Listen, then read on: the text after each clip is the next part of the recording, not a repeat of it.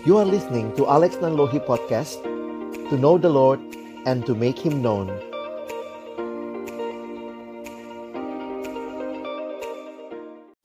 Kadang-kadang kita berpikir rencana kita adalah rencana yang terbaik Dan harapan kita tentunya rencana yang kita susun akan berjalan mulus sesuai dengan apa yang kita harapkan.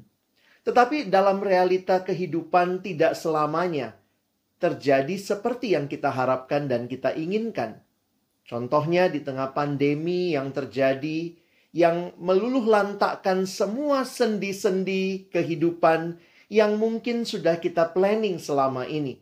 Hal-hal yang begitu normal bagi kita sekarang menjadi hal yang sama sekali berbeda. Dan waktu kita masuk di dalam situasi yang namanya new normal sekalipun, banyak hal yang kita dulu rencanakan tidak terjadi, bahkan kita harus mengubah beberapa hal, beberapa cara demi menjalani kehidupan di dalam new normal ini. Apa yang firman Tuhan ingatkan kepada kita dalam situasi kehidupan yang serba tidak menentu?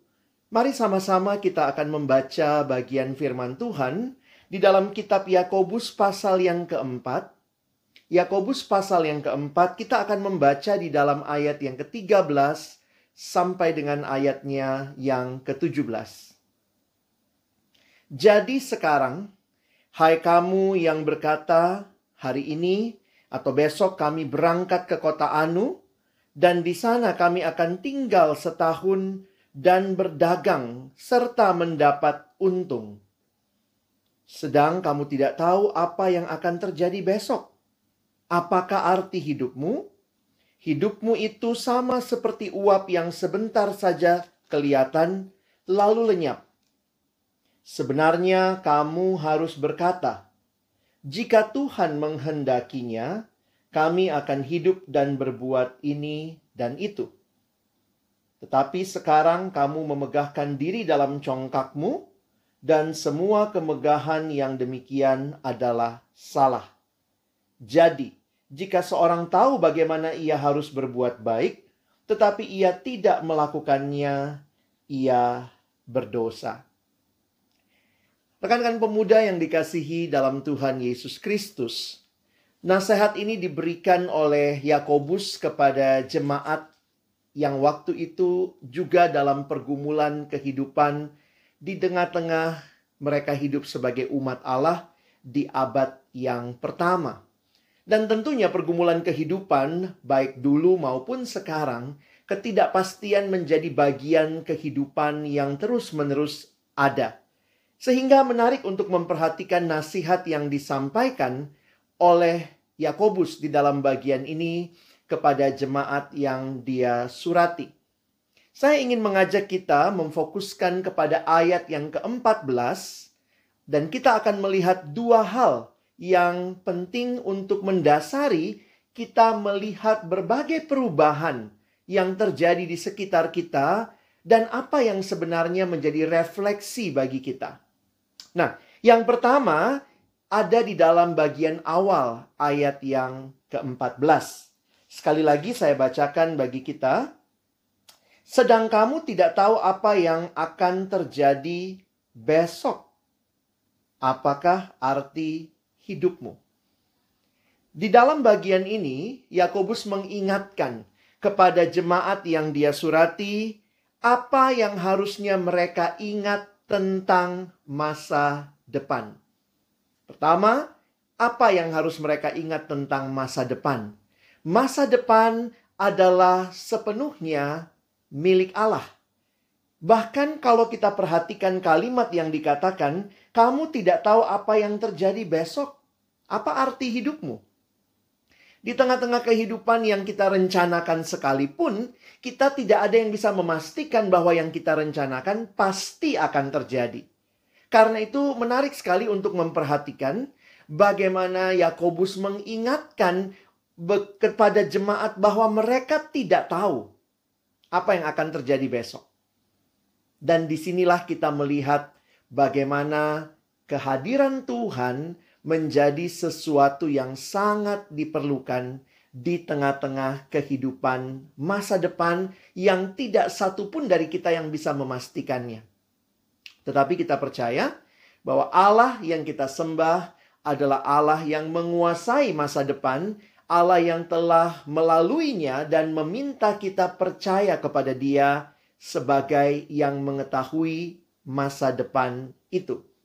Karena itu, kita bisa melihat di dalam ayat selanjutnya apa yang seharusnya menjadi sikap yang perlu dimiliki oleh kita semua yang sadar betul bahwa kita tidak bisa memastikan masa depan. Di dalam ayat yang ke-15 diingatkan untuk benar-benar melihat kehadiran Tuhan di dalam perencanaan kita. Sebenarnya, kamu harus berkata, "Jika Tuhan menghendakinya, kami akan hidup dan berbuat ini dan itu. Bagaimana melihat situasi masa depan hari esok yang tidak bisa kita pastikan? Ingatlah untuk selalu menyertakan Tuhan, melibatkan Tuhan di dalam segenap perencanaan kita. Kita bukan berhenti berencana, silahkan berencana, lakukan perencanaan dengan baik, tetapi penyerahan diri kepada Tuhan mengingatkan kita bahwa bukan kita yang sanggup mengontrol masa depan, hanya Dia yang memiliki dan mengetahui masa yang akan datang. Belajar percaya kepada Tuhan, belajar menyerahkan seluruh kehidupan kita hanya kepadanya. Waktu beberapa tahun yang lalu, saya sedang menunggu di ruang tunggu seorang dokter. Sebenarnya bukan karena saya mau ke dokter, saudara. Tetapi waktu itu teman saya, anak dari dokter itu, kami mau janjian. Lalu kemudian saya nunggu dia mandi. Dan waktu itu saya akhirnya menunggu karena papanya membuka praktek di rumah. Saya menunggu di ruang tunggu pasien, menunggu teman saya selesai mandi. Lalu saya lihat-lihat karena waktu itu sepi sekali, saya lihat-lihat di dinding. Lalu kemudian ada satu gambar, satu lukisan yang begitu menarik perhatian saya. Gambarnya adalah sebuah pantai yang panjang dan di pantai yang panjang itu kemudian uh, di ujung terlihat ada matahari yang sedang terbit. Jadi itu gambaran yang sangat indah dan di ujung matahari itu barulah saya perhatikan ada tulisan. Ada tulisan yang muncul di situ dan tulisan itu seperti mewakili Allah yang bertanya kepada manusia. Ayat uh, kalimatnya menyatakan demikian. Do you afraid about tomorrow? Apakah engkau takut akan hari esok? Lalu di bagian bawahnya ada jawaban. Ditandai dengan semuanya huruf besar, mewakili jawaban Allah. Kalimatnya demikian dalam bahasa Inggris, do not afraid about tomorrow. I was there. Kalau kita mengerti bahasa Inggris, kalimatnya menarik. Bukan I am there, bukannya saya sedang ada di sana, tetapi dalam bentuk past tense. I was there. Tuhan mau menyatakan bahwa Dia telah melalui sesuatu yang bagi kita adalah masa depan, karena Dia sebenarnya Allah yang tidak dibatasi oleh waktu. Apa yang kita takuti tentang masa depan? Kiranya kita memandang kepada Tuhan. Dia berjalan memimpin kita. Dia bahkan telah melaluinya. Dia melewatinya dan dia pun mengajak kita menuju masa depan itu dengan percaya kepada tuntunan tangannya. Sehingga ketika situasi tidak seperti yang kita harapkan, kita bisa tetap percaya bahwa Tuhan baik dan apa yang dia lakukan itu yang terbaik bagi kita. Seringkali tidak semua hal bisa kita pahami dengan tuntas. Dan juga di dalam Alkitab tidak ada janji yang mengatakan Tuhan akan memberikan penjelasan yang tuntas untuk semua pergumulan hidup kita. Yang ada adalah janji penyertaan Tuhan. Ini menunjukkan dalam situasi yang paling sulit, yang bahkan mungkin belum bisa kita mengerti. ingatlah dia hadir, percayalah kepadanya, berilah dirimu untuk dituntun oleh dia. Karena dia Tuhan yang mengetahui masa depan, yang bagi kita tidak pasti, tetapi baginya dia hadir dan menyertai. Ini hal pertama yang diingatkan kepada kita melalui apa yang Yakobus tuliskan di dalam Yakobus pasal 4 ayat yang ke-14. Mengingat tentang siapa Allah yang memastikan mengetahui masa depan. Tetapi di bagian akhir ayat 14 sebenarnya ini juga mengingatkan tentang keberadaan diri kita. Jadi yang pertama tadi mengingatkan kita tentang Allah, tetapi yang kedua mengingatkan keberadaan diri kita. Bagaimana kita harusnya memandang diri kita dan gambaran yang diberikan apakah arti hidupmu? Hidupmu itu sama seperti uap yang sebentar saja kelihatan lalu lenyap. Apa yang harus kita ingat tentang diri kita?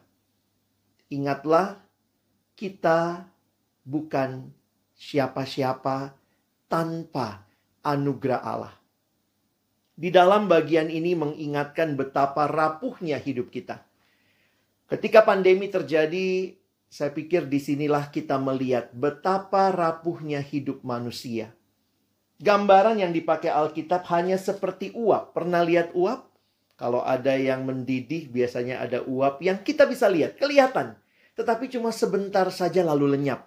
Wow, betapa fananya kehidupan manusia. Betapa lemahnya terbatasnya kehidupan manusia. Itu yang disampaikan di dalam bagian ini.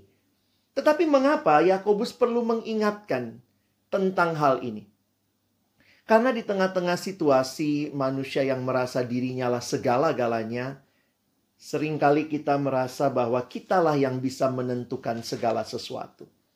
Tapi sebenarnya ketika itulah kita pun sadar bahwa tidak ada sesuatu pun dalam diri kita yang bisa kita banggakan. Semua berasal dari Tuhan. Mengingat bahwa Tuhanlah pemilik hidup. Tuhanlah yang memberikan karunia. Harusnya mengingatkan kita. I am nothing without God. Pemuda yang dikasihi Tuhan, peringatan ini diingatkan oleh Yakobus kepada jemaat dan juga kepada kita hari ini. Ingat siapa Tuhan, Dia yang pegang hari esok, dan ingat keterbatasanmu. Kamu hanya seperti uap.